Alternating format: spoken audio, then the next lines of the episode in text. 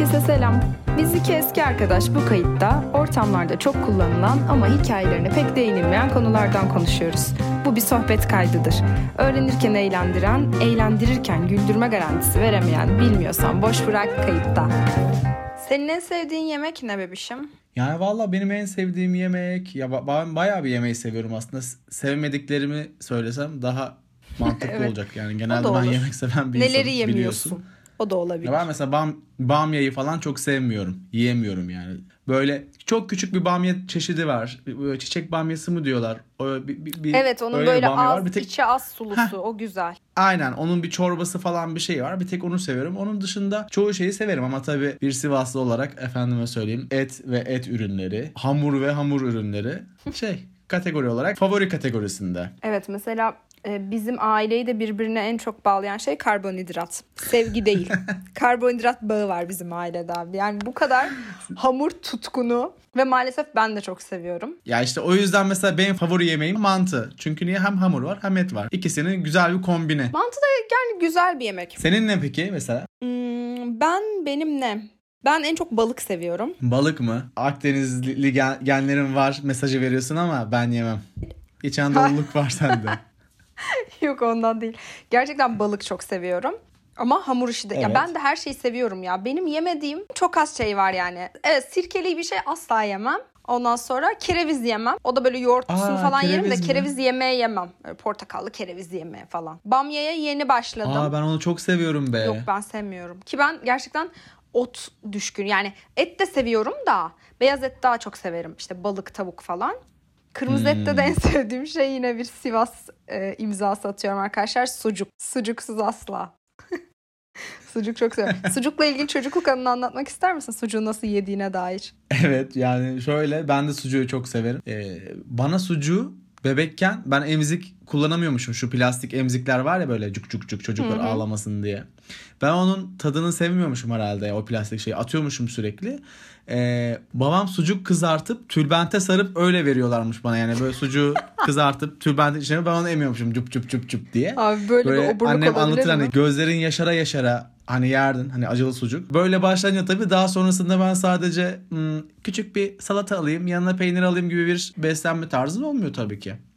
Peki mesela bu tarz şeylerde yemek konusunda anlar mısın? Bir gurme misindir yani? Gurmeyim diyebilir misin kendine? Yok canım gurme öyle e, madem girdik biraz şey yapalım. Bu hafta biraz işte böyle gurme ve mutfaklardan bahsedeceğiz dilimiz döndüğünce. Herkes gurme değil. Gurme öyle basit olunan bir şey de değil. Ama tabii Evet. şeye göre bizim kültürümüzde herkes her şey olabildiği için çok rahat. Herkes kendini gurme zannediyor tabii. Yani domatesli Her- salatanın her tadını şeyden ayırt eden herkes evet ben gurmeyim diyor.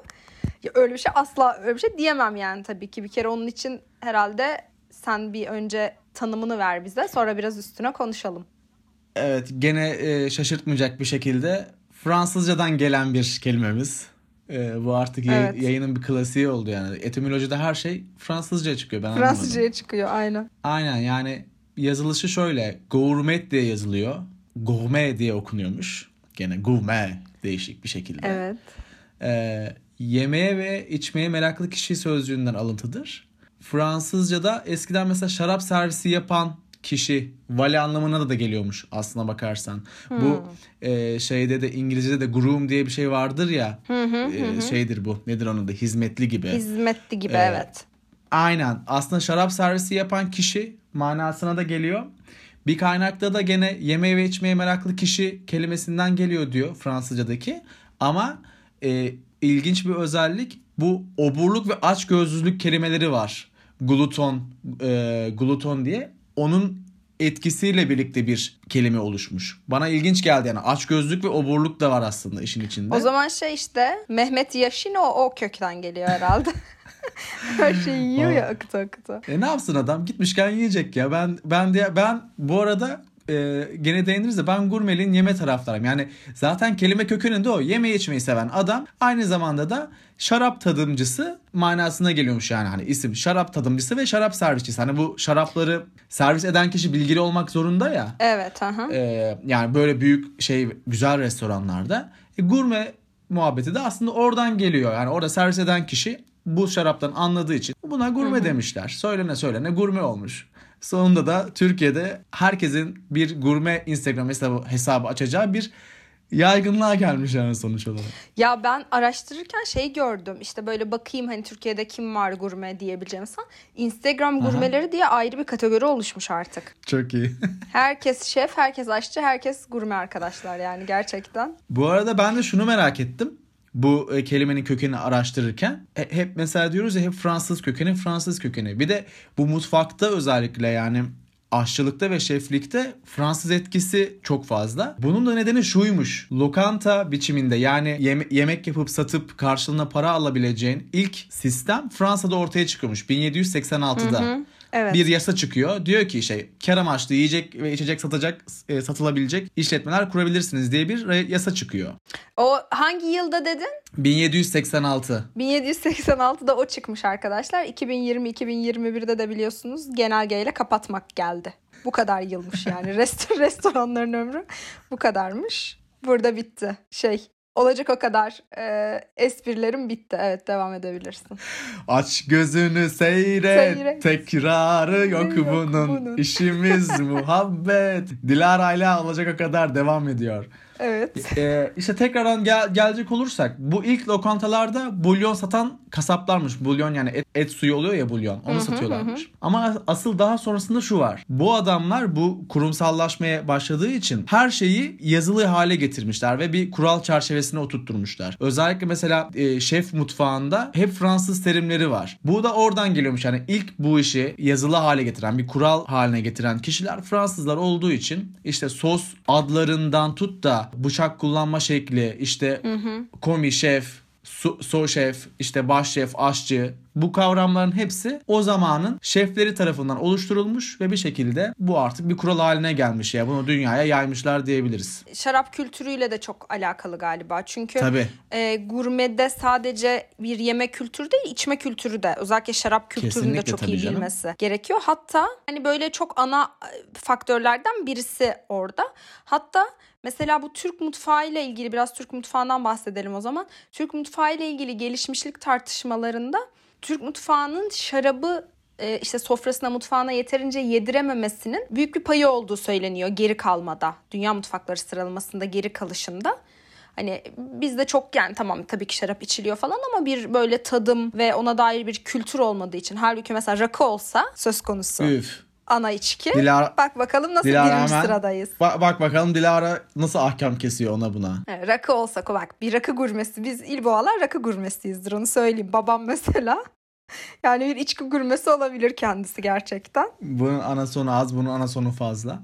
Aynen. Ya Anadolu mutfağı da şöyle bu arada. O dediğin şarabı kullanıp kullanmama bana birazcık Avrupa bakış açısından bir yorum gibi geldi. Ama asıl muhabbeti aslında mesela Osmanlı mutfağı var niye Anadolu mutfağı yok diye bir tartışmada. Bizim kültürde ya, yazı yok yazı yani bir şeyi yazıya geçireyim. Ondan sonra bunu gelecek nesiller de faydalansın ya da hani bu bir tarif haline gelsin diye bir şey yok. Bu kendimizden de çıkartay. Sen de iyi yemek yapıyorsun. Ben de kendi çapımda iyi yemek yapan insanlarız. Biliyorsun yani. Sen şimdi senin kendi tarif defterin bir şeyin var mı? Var benim.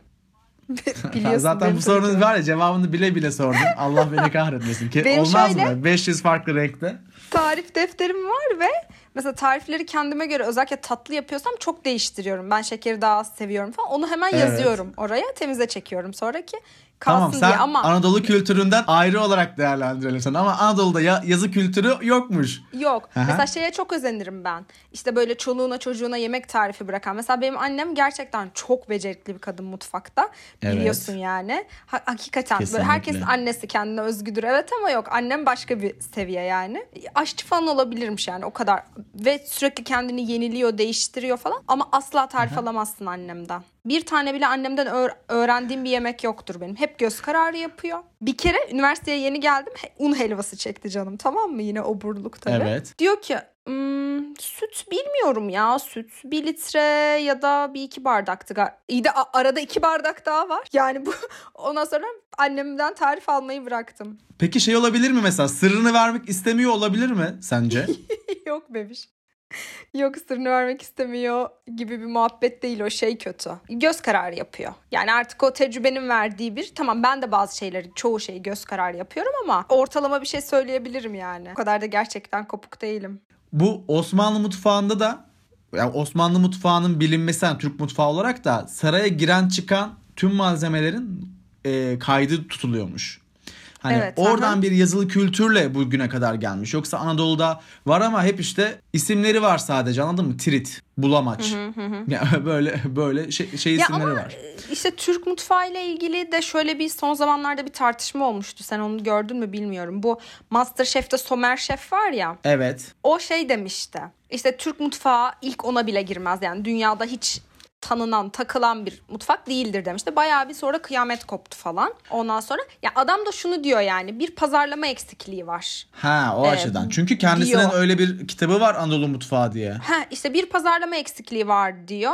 Bir de bizim Türk mutfağı olarak bildiğimiz işte kebap, mebap onların hepsi Arap mutfağıdır aslında diyor. E, e, ama zaten şöyle aslına bakarsan bazı bu işte gastronomiyle ilgili olan isimler şunu diyor zaten. Yemek bir kültürdür zaten. Kültürün çok e, bağlı bir parçasıdır. Ama ırktan ziyade coğrafi koşullar be- belirler. Sonuçta sev sevme yani o Orta Doğu kültürünün yemekleri işte aynı Türk kültürü, Orta Doğu, Yunan. Hani bu coğrafyanın belli bir Benziyor. şeyi var. Yemek kültürü var, bir kültür var. Bu da sofraya yansımış. Hatta şey diyorlar yani şöyle bir örnek veriyorlar. Mesela Doğu kültürü çok baharatlı ve böyle karman çorman yemekleri vardır ya Evet. böyle cofur cofur renkli renkli Hint mutfağı olsun. Türkiye'nin doğusu da öyle. Hani derler ki işte hani acısız yemek yemezler falan gibisinden. E, Onun muhabbeti işte bu ipek ve baharat yolu güneyden geçtiği için e, oradan geçerken oraları da etkilemiş. Yani daha çok baharata ulaşmış oradaki insanlar ya da işte o baharatı getiren adamlar belki orada kalmış. E, dolayısıyla orayı şekillendirmiş bir şekilde. Ya da ne bileyim işte Türkiye'de Osmanlı mutfağında belli bir zamana kadar do- domates diye bir şey yokmuş yani. Domates bilinmiyormuş Avrupa'da şurada burada. E, o yüzden yani şey doğru. Çok karışık kültürlerde çok karışık yemekler var. Ya evet ama işte hani bazı şeyler de tabii etkiliyordur yani ne bileyim pazarlama eksikliği falan. Hatta sonradan Tabii canım. e, bu bayağı tabii böyle milliyetçi şeyler patladı yani işte Somer Şef'e hani böyle nasıl böyle bir şey dersin Türk mutfağı falan gibi. Biz o konuda da çünkü inanılmaz milliyetçi olduğumuz için mutfağımız konusunda da. Hatta Vedat Milor da bir açıklama yaptı. Ya evet yani Türk mutfağı o kadar ağam bir mutfak değildir. Bunun da çok şey sebepleri vardır diye işte ne bileyim mesela kozmopolit mutfak kültürü kayboldu. İşte göçler, Anadolu mutfağı, onu yapanların yok olması. İşte mesela Türk mutfağının yeniliğe kapalı olması. işte kolaycılık ve standartlaşmanın çok artmış olması falan gibi böyle bir 7-8 madde tam hatırlamıyorum hepsini e, şey sıraladı. Türk mutfağının işte hani o kadar bizim hayalimizdeki kadar büyük bir mutfak olmadığı ile ilgili. Ama tabii şey e, kötü bir mutfak olduğunu da ben asla düşünmüyorum. Bir pazarlama eksiği olduğu doğru. Ben mesela hep şey merak etmişimdir. Pizza niye bu kadar meşhur da lahmacun değil? Abi lahmacun daha güzel bir şey bir de kimse kusura bakmasın da. E yani ben, Belki de kimilerine göre lahmacun daha güzel tabii. kardeşim ama lahmacunu severim. Evet lahmacun gerçekten güzel. Bak lahmacun da en sevdiğim yemeklerden biri olabilir ya. Peki size Dilara'nın e, lüks turnusolunu söyleyeyim o zaman arkadaşlar. Ya daha da yani parayı bulursan ne yaparsın e, sorusuna verdiği cevap şudur. Lahmacun arasına Adana kebabı dürüp yemek. Ve bunu parayı bulunca yaptı. Ya bunu lahmacun arasında bu Adana dürüm falan o muhabbetler bir şey oldu ya. Moda oldu ya. ben valla ben, ben senden biliyorum bir tek. Modasını bilmiyorum. Ben bir tek senden gördüm onu, duydum onu. Hayır ama o bir tane adam var. Twitter'da falan görüyorum ben de ismini bilmiyorum. İşte ne bileyim baklavanın içine pilav koyuyor. Pilavın üstüne lahmacun koyuyor falan böyle saçma sapan bir şeyler Ya yapıyor. şu şey değil mi ya bıyıklı adam? Heh, bıyıklı adam. Ama onunla ilgili de Vedat Milor'un şöyle güzel bir yorumu var. Diyor ki yani sorunu hani bu bu kültürle ilgili yani bu dönüşen kültürle ilgili sorunu sadece tüketiciye atfetmek yanlış diyor. Yani orada bir üretim tarzı var. İşte tarımın bitmesi, çiftçiliğin azalması, standart ve vasadın yaygınlaşması artık Türkiye'de falan gibi müthiş bir yorumu var yani. Bu arada laf açılmışken biraz Vedat Milor'dan bahsedelim. Yani kendisi herhalde Türkiye'nin en ünlü gurme diyeceğim ama o kendisini gurme olarak tanımlamıyor. Gurme sıfatını kabul etmiyor. Restoran eleştirmeniyim ben diyor. O kadar da mütevazi bir şahıs ama tabii aslında ünlü bir akademisyen. Yani ödüllü doktorası olan işte Stanford'da, Kaliforniya üniversitelerinde falan eğitim almış almış. Tam bir entelektüel bence. Ülkenin de böyle sadece yemek değil aslında kültürel tüm şeylerine de dokunuyor. Ben çok seviyorum yani. Sen takip ediyor musun, seviyor musun bilmiyorum da. Çok öyle direkt takip olarak değil ama görüşlerine güveniyorum yani. O adamın sunduğu argümanlar bana mantıklı geliyor. Mesela ben bir yerde dinlemiştim. Adam şunu öne sürüyor. Bir yemeğin yapılmasında bir sürü değişken vardır diyor. Mesela lahmacundan yola çıkalım tamam mı? Bir lahmacunu yapmak için ne lazım? Hamur ve kıyma. Şimdi burada o kadar çok değişken var ki diyor. Ustalık orada devreye gi- giriyor diyor. Mesela hamuru yaptın koydun. Hava o zaman işte 30 derecedeki hamuru mayada tutmanla hava eğer 20 derecedeyse o şey değişiyor. Hava 25 ise biraz daha işte az tutuyorsun. 30 ise biraz daha az tutuyorsun bilmem ne. Bir sürü değişkeni var. Bu da usta çırak ilişkisiyle e, geçebilecek bir şey ve bunu bu değişkenlerin hepsini yazamazsın diyor. O yüzden mesela bazı ustaların yemekleri çok iyi. Bazıları onu ona göre daha lezzetsiz. Ama diyor toplu üretebilmen için bir şeyi bir standartize etmen lazım. Standart etmen lazım ki sen onu satabilesin. E, sen standartize edersen bir şeyi e, kaliteden ödün vermek zorundasın mesela. İşte Starbucks kahvesi için de aynı şeyi söylüyorlar ya bu üçüncü nesil kahvecileri. Starbucks ne yapıyor kavururken? Fazladan fazladan yakıyor kahveyi. Her yerde aynı kahveyi içiyorsun ama kalite olarak da düşük bir kahve içiyorsun.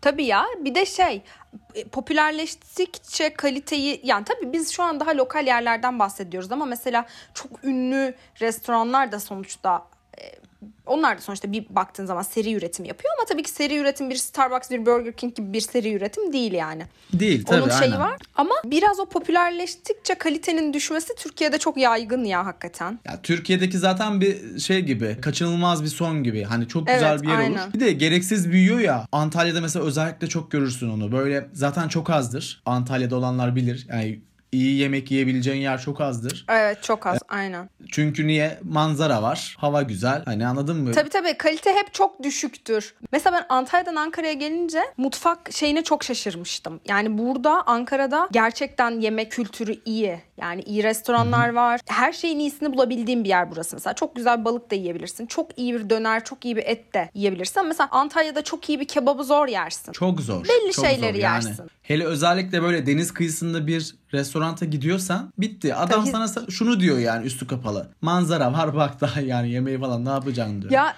şeyi hatırlıyor musun? Deniz kenarında rakı içmiştik. Ayaklar Evet. böyle ayaklarımız denizin içinde falan böyle. Ya mükemmel yani baktığında müthiş bir yer. Yakamoz işte adı.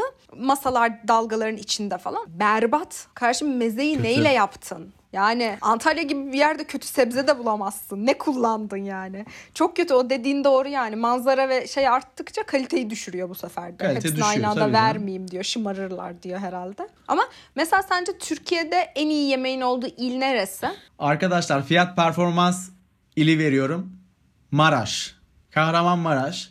Antep'e zaten çok yakın ama fiyat performans olarak yani yediğiniz şeyin lezzeti ve ödediğiniz ücret olarak bence Antep'i geçer. Antepliler lütfen kırılmasın. Antep'teki muhabbet şu aslında bakarsan. Antep'te evlerde çok iyi yemek yiyebiliyorsun. Yani çok farklı yemek çeşidi ama evlerde. Yani bu daha yeni yeni belki kurumsallaşmaya başlıyor ama orada da şöyle bir handikap var. Kurumsallaşayım derken de birdenbire böyle bir çok kalitesi de çok pahalı yerler çıkmaya başladı. Özellikle son dönemde. Hani belki kalitesi gene çoğu yere göre üstte Antep'te ama fiyatlar İstanbul falan geçti. Bir de bu işte gastronomi başkenti falan oldu ya. Antep'te çok farklı e, yemekler var. Antepli arkadaşlarımdan da biliyorum. Mesela muşmula kebabı diye bir şey var. O mesela onun kebabını yapıyorlar falan böyle değişik değişik şeyler var ama Onu yemedim. Antep'e gittim ben. Ha yiyemezsin çünkü bu dışarıda bulabileceğin bir şey değil. Ya çünkü dışarıda çok jenerik ürünler var işte. Küşleme. Ki o, o tarz ürünler de aslına bakarsan mesela küşleme bir restoranda günlük işte bin porsiyon küşleme çıkması birazcık kalitenin düşüne delalet. Çünkü işte o hayvanın çok az bir yerinden çıkan hani her hayvana çok küçük çıkacak bir et. Ee, o yüzden mesela isim de verelim. Bir sıkıntı yok bence mesela. İmam Çağdaş çok methedilen bir restoran ama oraya gittiğinizde muhtemelen hayal kırıklığına uğrarsınız. Çünkü artık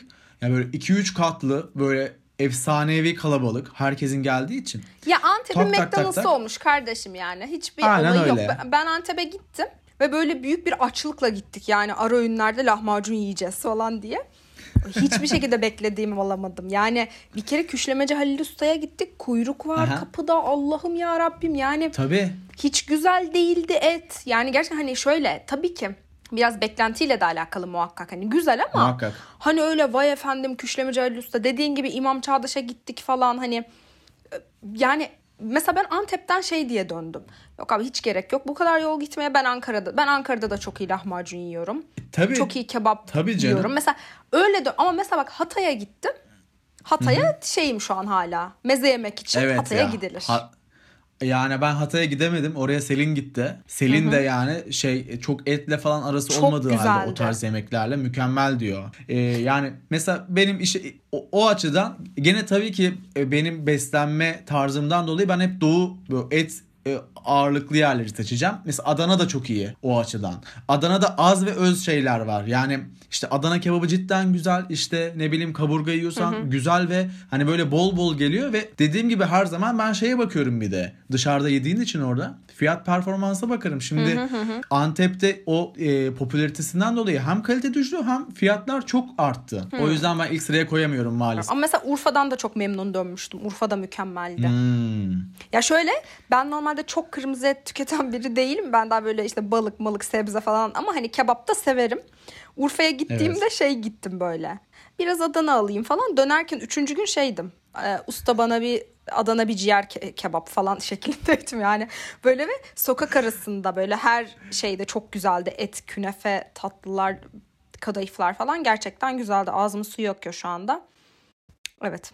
Selin'in ne biliyor musun? İlk, en, en sevdiği yemek. Karnabahar. Bana dediğinde dedi ki bak en sevdiği yemek. Ben şey dedim Selin'e yazık güzel de kızsın ama yapacak bir şey yok demek ki neyse Allah acı şifa versin. Ya tamam bak karnabahar sevilir Karnabahar de. çok kötü. Ya ben, ben de severim şimdi Abi kötü değil karnabahar de. ne abi? Karnabahar su topu yani. Hani ben de yerim de bir manasız yiyoruz işte yani. Kışın Abi ben severim karnabahar ama mesela şimdi en sevdiğin yemek az seçmesi zor bir şey ve e, hani seçmesi zor düşü, üzerine düşürmesi gereken bir şey yani en sevdiğin yemek ya daha ne olacak karnabahar Karnabahar aa Seliş. yazık Üzdün. Bundan haberimiz yoktu. neyse Senin say bakalım. Sen say ilk üçünü. mantı ondan sonra Ya mantı da overrated ya. kar ulan mantı neresi overrated makarna var içinde et de var köfte ne? yoğurt da Kıy- var Ya mantıdan al. Aa haşlama içli köfte de çok severim ben. Babaannem Oo, mükemmel yapar. İşte arkadaşlar İlk şimdi o zaman o zaman şimdi şuraya girebiliriz. Bu konu buraya geldiğin güzel oldu. Şimdi yemek Evet. aslında bir de insanların üzerinden, insanların ve toplumların üzerinden kimlik oluşturduğu da bir olgu. Mesela şundan bahsediyorum. İçli köfte, haşlama ve kızartma içli köfte. Şimdi herkes şöyle diyor Evet. işte. Bizim oralarda haşlama yapılır. Aslına bakarsan bir Aynen. kimlik de oluşturuyorsun orada. Ben mesela kızartmışı sevmem. Bana göre de haşlama. Üzerine Ben tereyağlı. kızartma hiç yemem. Tabii haşlama. Ben Aynen. bulduğum bir yerim de tercih etmem diyelim hani. Buldum affetmem diyorsun. Yok ben kızartma pek sevmem de haşlaması güzel yapılırsa bir babaannemin elinden çıkmışsa mükemmeldir yani gerçekten. Evet evet burada yani hani daha çok işte o bizim taraflarda yapılıyor bu arada şey haşlama. Tabii tabii evet evet Anadolu'da haşlama yapılıyor. Bu Adana'da falan herhalde daha çok değil mi kızartma Evet evet o taraflarda. falan ağırlıklı. Örneğin mesela piyaz da öyle. ben piyazı çok seviyorum ve hani küçüklükten beri hep işte köfte piyaz köfte piyaz. 2002 Antalya'da ben geçirdiğim için çocukluğumu Evet. gençliğimi. Neyse Ankara'ya gittim üniversite için. Yemekhanede de biliyorsun bizim yemekhaneyi. Beytepe, Mükemmel, Hacettepe. Hacettepe, evet, Beytepe. güzeldir. Bir Evet. baktım menüye sırada beklerken piyaz diyor. Ben nasıl kuruldum falan oley yuppi falan. Aa bir gittim. Büyük büyük fasulye, Evet ya. soğan, maydanoz. Gerçekten. Antalya'dan Ankara'ya gelenler açısından büyük dram. Ben de aynısını Ya bir de- yani. bir de- Piyazın Tahinli piyaz. Antalya piyazı öyle bir şey ki bir bölgeye has değil. Sadece Antalya'da var. Benim bildiğim. Yani Burdur'da bile yok mesela o piyaz. Keşke bu yayınımıza sevgili Deniz Baykal da konuk gelseydi arkadaşlar. Çünkü o da en az Nail ve benim kadar Antalya milliyetçiliğiyle tanınır. Abi bak Antalya piyazı mükemmel bir şeydir. Evet. Ve bahsettiğin zaman herkesin çok ön yargıyla yaklaştığı bir şey. Mesela ben Çağlar'a böyle piyaz, piyaz müthiş falan diye anlatıyordum. O da böyle ne ya piyaz ne kadar güzel olabilir. Bir kere içinde tahin, fasulye, yumurta var ne alaka falan. Şu an daha var ya Antalya'ya girmeden başlıyor Ya sayıklamaya. aynen mesela Piyaz yiyeceğim, piyaz yiyeceğim falan diye. bizim Çağrı da öyle mesela çok seviyor. Böyle piyaz mı yesek ya falan böyle buraya geldiğinde. Ama mükemmel gerçekten çok güzel bir lezzet. Yani kabak tatlısı da öyle. Kesinlikle. Pi- hakikaten Antalya'da piyazı çok güzel yapan yerler var yani. Bir de yani tabii ki şununla da alakalı. E, doğup büyüdüğün o mutfağa aşina olmakla da Tabii tabii canım. çok alakalı. Ben mesela Antalya'dan Ankara'ya geleli yıllar oldu artık. 12-13 sene oldu. Hala da buranın sebze meyvesine asla alışamadım. Ve alışamayacağım. Çünkü sebze meyve değil yani domates diye bir plastik ürün satıyorlar bize bence. Yani burada çok kötü yani gerçekten. Ankara'nın meşhur yemeği var mı? soslu soslu soğanlı kaşarlı var benim bildiğim bir tek. Ankara'nın döneri var. Güzel hakikaten de Ankara'da. Güzel ben ya hiç cidden. mutlu dönerde yediğim kadar güzel döner yemedim. Ben de İstanbul'unkini söyleyeyim. Islak hamburger. Ağzıma koymadığım bir tattır. Ama mesela benim düşüncem de bu gurme gurme muhabbet- muhabbetlerine şöyle bir e, şey geliyor aklıma hep. Ya bir yemek en fazla ne kadar lezzetli olabilir? Bir. Bir ikincisi de bu her insandan her insana değişmez mi? Şundan bahsediyorum. Zevkler ve kültürden değil. Yani sonuçta tat alabilen bir organın var tamam mı? Bunda atıyorum senin doğuştan gelen bir özellikle bazı hücrelerin eksikse sen istersen tillah ol yani anladın mı? Eğitimini al şunu al bunu al sen o lezzeti alamazsın adamın aldığı lezzeti. Ya tabii ki orada biyolojik bir etki de var da bir de şu da var. Şimdi bir biyolojik etki var. Çünkü bu Heh. e, tat alma da sonuçta bizim bir duyumuz Evet. ve işte enzim sayısıyla Bana bilimle gel. alakalıymış. Mesela ha, sana bilimle geldim bak yani sonra beni Instagram'da bu ne bilimsizliktir diye ifşa ediyorsun. Sana bilimle geliyorum. Enzim sayısıyla alakalıymış. Mesela çok ilginç. Evcil kedi köpeklerde sokak hayvanlarına göre daha fazla enzim varmış. Tat alma enzimi. Herhalde canım her şeyi yiyorlar. Dolayısıyla ama şununla da alakalı yiyip içtiklerimiz çeşitlendikçe e, yeni ve farklı Heh. tatları algılama yetimiz de gelişiyormuş. Yani biyolojik ve Ha. genetik yapı evet etkili damakta ama kısmen. Tamamen Aa. değil. Yani tabii yiye yiye de gelişiyormuş o enzim Bak mesela ben artıyormuş. bunu bu, bu mesela ben bu bilgiyi bilmiyordum. Cidden mesela şey oldu. O zaman şu yani. Bu adamlar ya gurme diye tabir ettiğimiz adamlar çok farklı kültürden şeyler tattıkları için zaten yeme içmeyi seven adam e, tanımlaması altında da o zaman damak tadının gelişmesi diye bir şey söz konusu. Ya tabii ki hem damak tadının gelişmesi hem de orada mesela bütün duyuların önemli olduğunu söylüyorlar. Yani bir yemeği yerken işte e, yani aslında şöyle gurme olabilmek için sadece yemeği bilmen değil işte mutfakta nasıl yapıldığını da bileceksin. Hı, tabii. Ondan sonra e, bütün bütün duyular etkili. Mesela, mesela çok göze de etkili değil hitap mi? Edecek. Koku çok koku etkili. çok et. Koku %50'ymiş. Damak tadının %50'si kokuymuş. Ben şeyi merak ediyorum mesela şey gibi bir e, böyle şehir efsanesi mi gerçek mi tam bilmiyorum araştırmadım da elma ile soğanın tadı aynıymış aslına bakarsan. Yani kokusunu alamadığın bir ortamda tadarsan ikisinin tadı aynıymış. Sadece kokularından dolayı Aman ayrışıyormuş. yarabbim bu mümkün değil bu Ben- bilgi doğru ya ba- mudur bana da bilmiyorum. mümkün gelmiyor. Mesela bak benim koku alma şeyim çok gereğinden fazla çalışıyor benim burnum. Bir- yani bir- babam hep keşke seni doğuracağımıza av köpeği alsaydık diyor ya. Abi gerçekten bak o kadar beni ya her şeyi kokluyorum ben ve çok fazla çalışıyor. O yüzden de damak zevkimin de güçlü olduğunu düşünürüm. Yani hemen bir tat değişikliğini fark ederim. Mesela bozulan bir şeyi ilk ben fark ederim evde. Müthiş. Ayırt ederim yani. Kokuyla ilgili ama bence benimki. Doğrudur. Peki o zaman sana bir soru daha aklıma gelen. Böyle çok pahalı bir restorana gitti mi mesela işte Michelin yıldızlı şeflerden hazırlanmış böyle işte efendime söyleyeyim beef wellington böyle küçücük geliyor işte porsiyonu 650 lira. Böyle bir yere gittin mi hiç? Ya Michelin yıldızlı bir yere gitmedim ama gittiğim en lüks restoran herhalde şeydi. Balayında işte gittiğimiz otelin şeyi vardı. Özel böyle çok küçücük bir Aha. yeri özel servis birkaç kişinin alındığı ve orada dünya mutfağından bir şeyler Oo. getirdiler bize. Tam bir şeydi yani gerçekten böyle ilk kez öyle e, işte fakirlik ilk kez öyle bir yere gittim ve işte böyle her şeyi anlatıyor tane tane. Aha. İşte şunu getirdik, bunu getirdik bilmem ne ve küçücük tabii ki. Zaten bence Türkiye'de Michelin yıldız olmamasının bir sürü sebebi var ama biri de şey herhalde. Şimdi adamlar sana tadım menüsü getiriyor ama biz lokantaya doymaya gideriz. Ya, genelde. O yüzden Türkiye'de Michelin olayı biraz zor yani. E, zor. Ben de mesela öyle Michelin yıl Mich- Michelin mi bu arada Michelin mi? Michelin. Ha, peki bu Michelin yıldızı nedir? Yani kim veriyor bu Michelin yıldızlarını? Birisi mi veriyor? Bir otorite Bu mi? Michelin yıldızı bildiğimiz araba lastiği Michelin'in e, otel mutfak ve restoranlarına verdiği bir prestij ödülü aslında. Aa. E, bu lastikler ilk çıktığında evet Bunlar işte daha çok lastik satılsın diye yol üstündeki e, restoranlara işte otel mutfaklarına verelim. Hani bir kültürel de bir rehber olsun. Hani nerede iyi akaryakıt alınır, nerede iyi yemek yenilir falan gibi çık çıkarttıkları bir şey aslında Aa. bir sistem. Tabii. E biz bunu Sonra yapıyorduk. işte lokantaların Biz bunu yapıyoruz zaten. Ben mesela şey vardı siz bizim de. Yolda gidiyorsun ya. Mesela kamyoncuların olduğu yere Evet. durma şeyi var. Evet. İçgüdüsü var. Kamyoncular gidiyorsa iyi de demek ki adamlar bunu işte gene şey yapmışlar o zaman. İşte arkadaşlar Türkiye'de neden Michelin yıldızı olmadığını Nail size özetledi. Kültürel sermaye buradan Bourdieu'nun kültürel sermaye ve gastronomi ilişkisine zıplıyorum şimdi madem öyle. Kimin? Pardon hanımefendi kim, kimden bahsettiniz? Bu arada şakası bir tarafa lütfen birazcık da bilim madem öyle birazcık da sosyal bilimin uzmanı Dilara'dan e, şeyler geliyor. İnciler geliyor. Ya şöyle bu yemek şimdi bu Bourdieu'nun kültürel sermaye kahve ve gastronomi arasında da bir bağ olduğunu iddia ediyor insanlar. Yani şöyle bir şey kabaca bahsedersek. Şimdi atıyorum senin annen sana sucuk emdiriyordu. ama senin çocuğun olduğunda sen ona sonuçta sen kültürel şeyleri en Ben- fazla aldığın ben yer aile. pepperoni Ama emdireceğim. sen- sen ona sucuk emdirmeyeceksin. Sen onu ketojenik falan beslenmeye iteceksin büyük ihtimalle. İşte efendim şeker tüketmesin. Aa, Un çok hayır zararlı. be. Vallahi var ya. Anne. ço- çocuğa ben şeyde nedir onun adı? Böyle hafif emmeye başlasın direkt sucuk emdiririm. Abi inanılmaz. Sen ilerleme kaydedemiyorsun insanlık adına o zaman.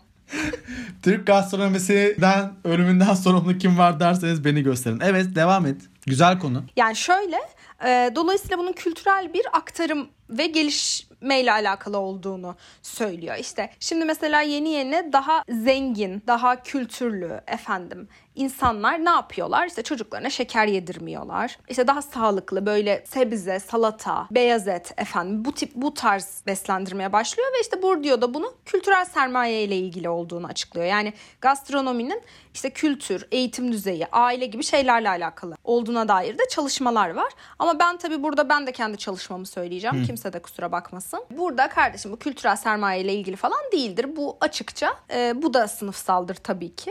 Çünkü işçiler gider daha fazla doymak için, daha fazla karbonhidrat ve daha ucuz olduğu için onu yerler. Zenginler işte az önce bahsettiğimiz gibi Michelin yıldızlı küçük minik porsiyonlarla doyarlar. Yani bunun da bence işte sosyal bilimle gastronominin ilişkisi de bence tam olarak böyle bir yerden şekil alıyor. Evet sosyal bilime uzak olan arkadaşlara ben hemen Türkçe çevirisini yapayım. Dilara diyor ki yani işin sonunda para, para, para. Param varsa lüks restoranda yoksa ekmek arası makarna. Nasıl? Mükemmel halka indin kardeşim. Tebrik ediyorum seni öncelikle. Daha da ben artık başka bir şey de demiyorum. Gastronomiyle ilgili. Teşekkür, teşekkürler efendim. Burada artık kapatıyoruz. Kendinize iyi bakın. İyi günler, iyi akşamlar. Bilmiyorsan boş bırak. Afiyet olsun der.